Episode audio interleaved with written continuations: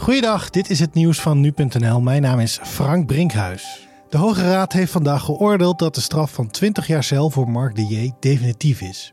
De J wordt verantwoordelijk gehouden voor de moord op Koen Evering. Het misdrijf zorgde in 2016 voor de nodige opschudding. Evering werd met meerdere messteken om het leven gebracht terwijl zijn dochtertje boven lag te slapen. Het RIVM meldt vandaag dat er 26 coronapatiënten zijn overleden aan de gevolgen van het virus.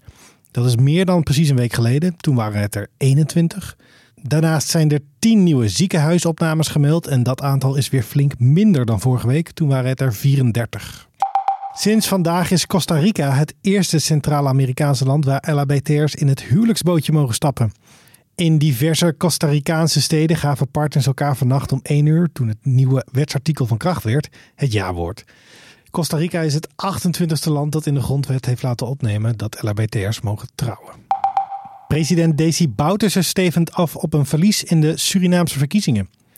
Nadat meer dan de helft van de stemmen zijn geteld, staat de VHP van oppositieleider Santokki op ongeveer 20 zetels en de NDP van Bouterse op zo'n 15. Voor een meerderheid in het Surinaamse parlement zijn 26 zetels nodig. En tot zover de nieuwsupdate van nu.nl.